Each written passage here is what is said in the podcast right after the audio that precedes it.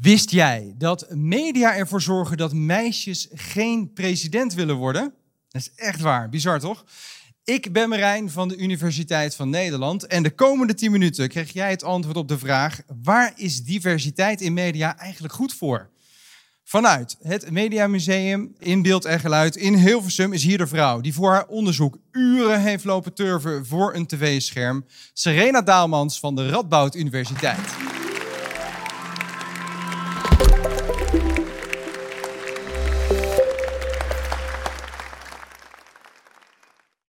Stel, morgen komt een Marsmannetje naar aarde en die gaat de tv gebruiken om te leren wat er te leren valt over wat het betekent om te leven op aarde.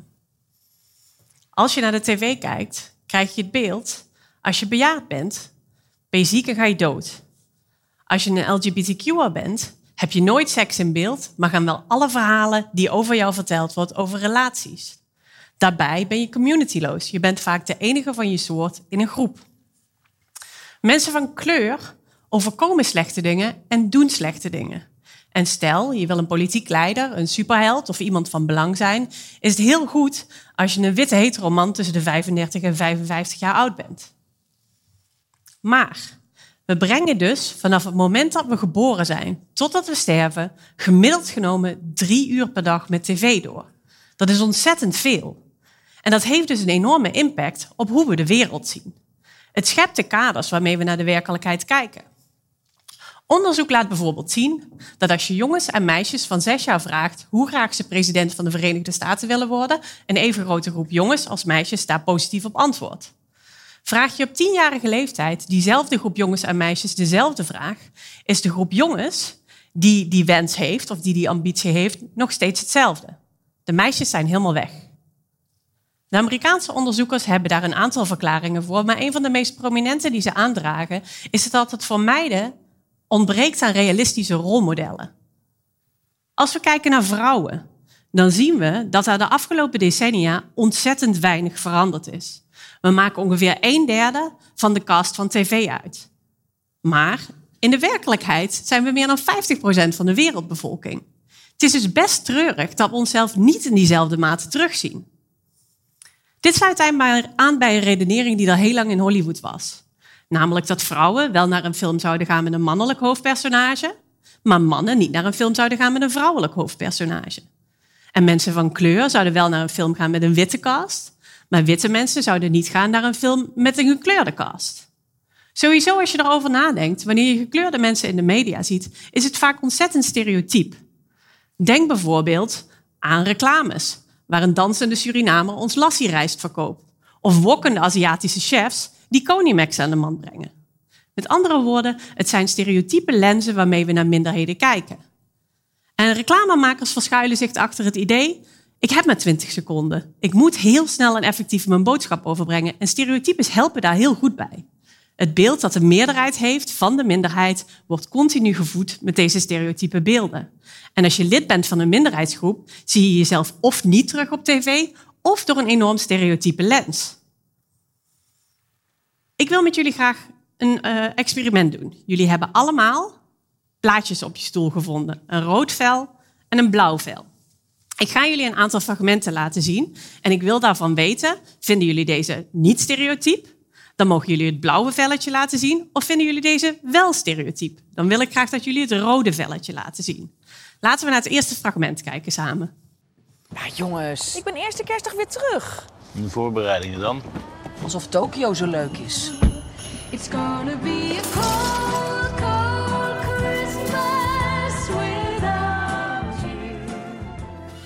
Oké, blauw of rood? Een overweldigende hoeveelheid rood. Ja, deze Jumbo-reclame, daarin zien we een werkende vrouw die het huishouden rond kerst overlaat aan haar man. En die man faalt valikant.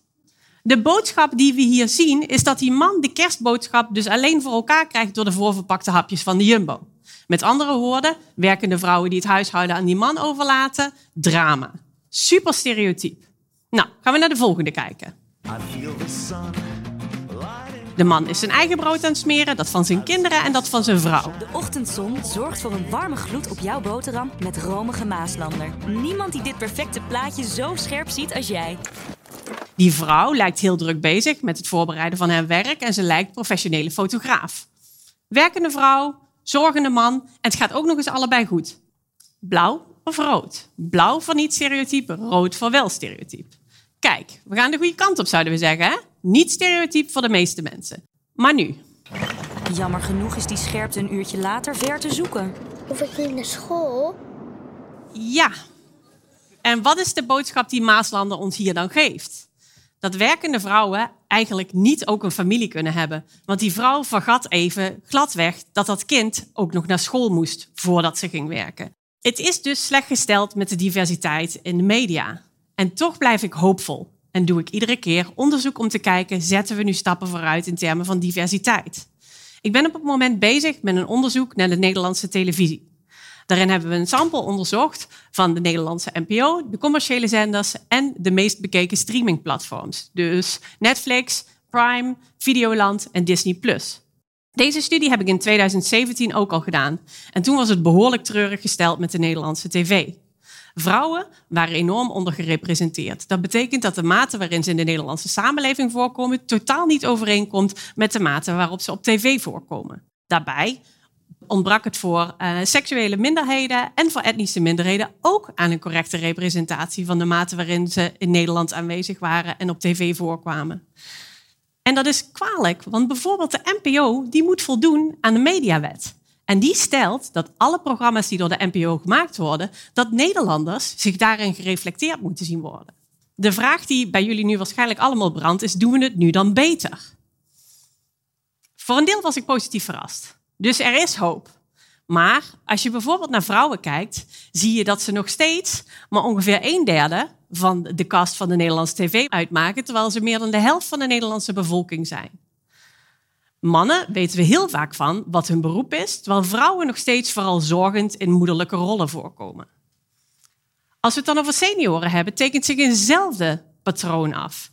Waar senioren ongeveer 20% van de Nederlandse bevolking vormen, zijn ze ongeveer een kleine 6% van de mensen die we zien op tv. En dat is met name zo op de streamingplatforms. Daarmee krijgen senioren het idee dat ze eigenlijk fundamenteel onbelangrijk zijn. Maar toen, toen werd het interessant en hoopvol. Etnische minderheden waren voor het eerst naar proportie gerepresenteerd of zelfs overgerepresenteerd op de Nederlandse televisie.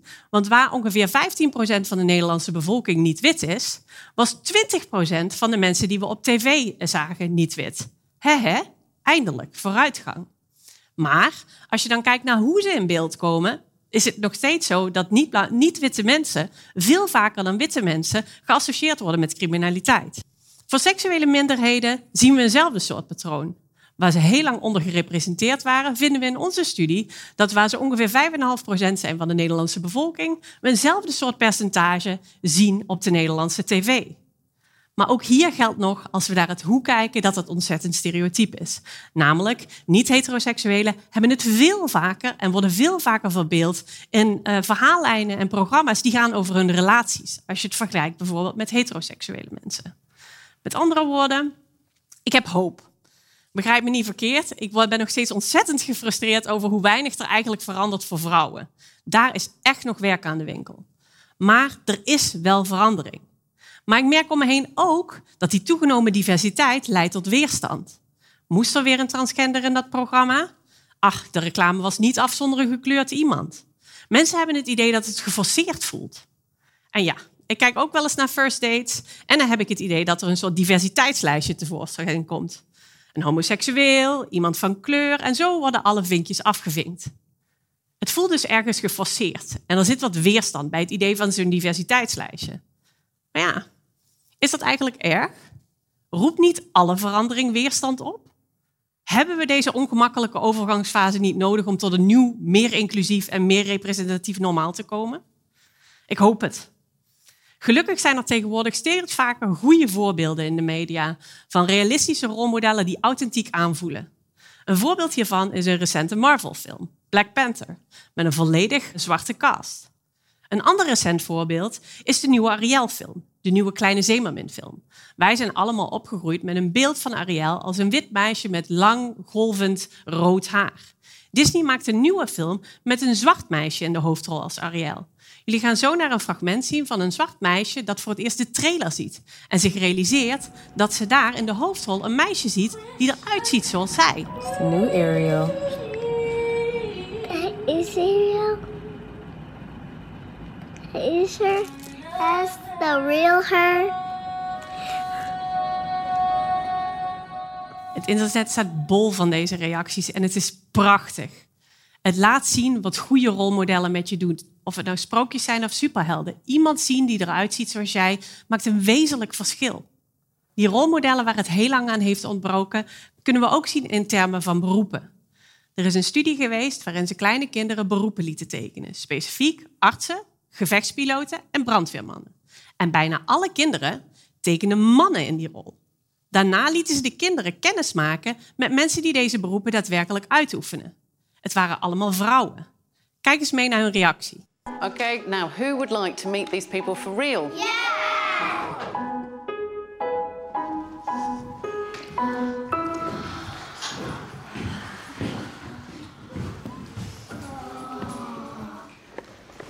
Are you dressed up?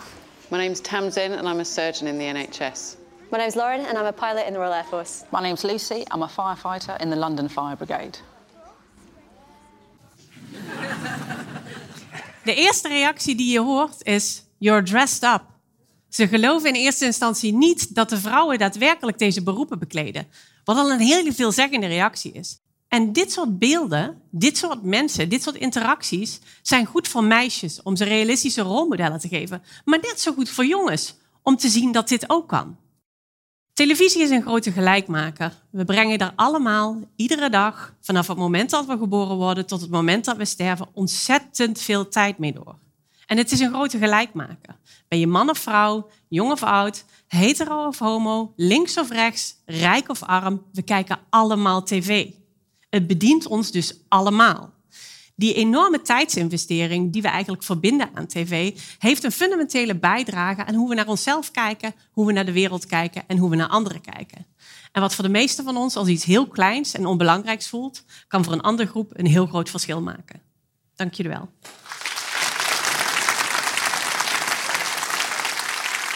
Se- Serena Daalmans.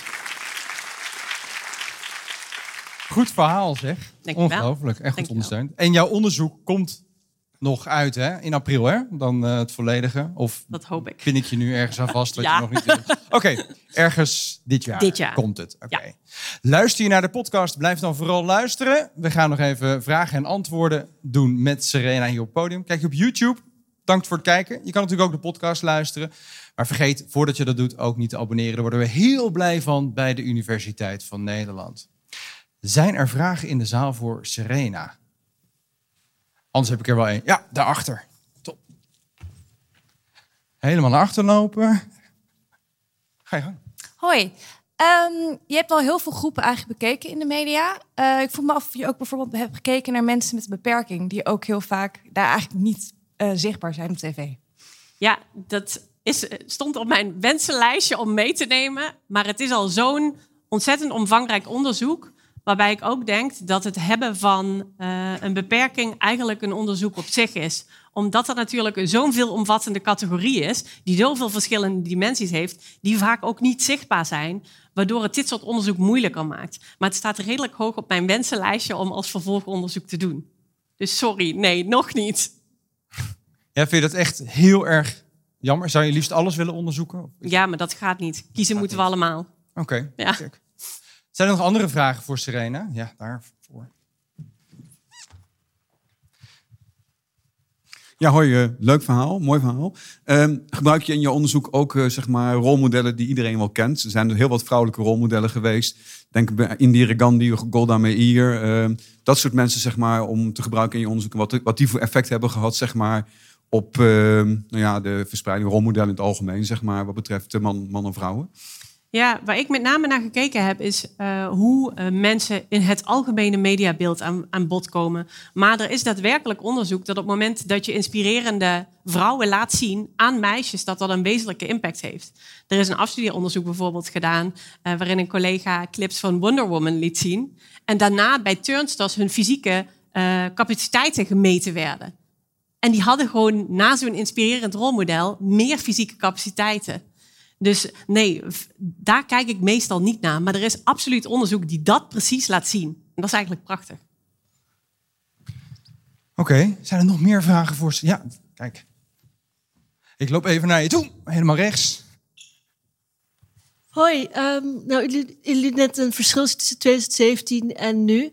Eh, en dat vrouwen eigenlijk dus niet echt veranderd is. Heeft u daar ook een verklaring voor waarom dat dan dus niet veranderd is en die andere eh, wel? Heb ik daar een verklaring voor? Nou, ik heb iedere keer als ik dit soort onderzoek doe, de hoop van het zal inmiddels toch wel veranderd zijn. We zullen toch in die zin de, de veranderingen die je in de samenleving ziet, toch wel terugzien in de media. Maar op de een of andere manier lukt dat niet, of maar mondjesmaat.